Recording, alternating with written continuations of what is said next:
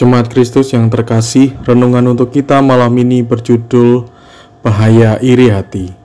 Dan bacaan kita diambil dari Yohanes pasal 12 ayat 9 sampai 11. Demikianlah firman Tuhan. Sejumlah besar orang Yahudi mendengar bahwa Yesus ada di sana dan mereka datang bukan hanya karena Yesus melainkan juga untuk melihat Lazarus yang telah dibangkitkannya dari antara orang mati. Lalu imam-imam kepala bermupakat untuk membunuh Lazarus juga. Sebab karena dia banyak orang Yahudi meninggalkan mereka dan percaya kepada Yesus. Kisah Lazarus yang dibangkitkan Tuhan memang mencengangkan siapa pun yang mendengar dan melihatnya. Sebab orang mati yang bangkit kembali adalah sebuah peristiwa yang tak lazim sama sekali, bahkan menjadi peristiwa yang mencengangkan.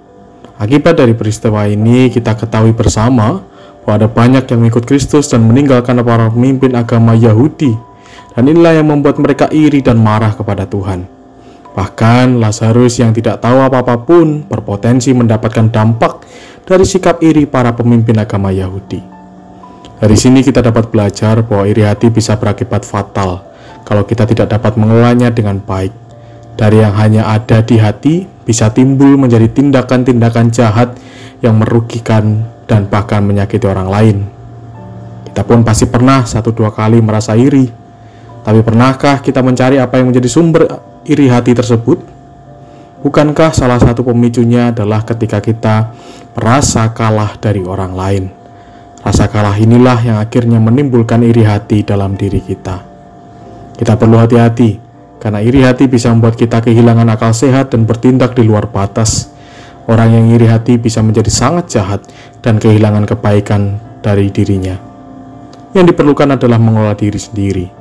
Kalau kita mampu mengelola diri kita, maka perasaan ini bisa ditekan dan dikendalikan. Miliki rasa cukup dalam hati. Dengan demikian, kita tak akan mudah merasa kalah. Kita justru akan bersuka cita atas keberhasilan dan sukacita orang lain.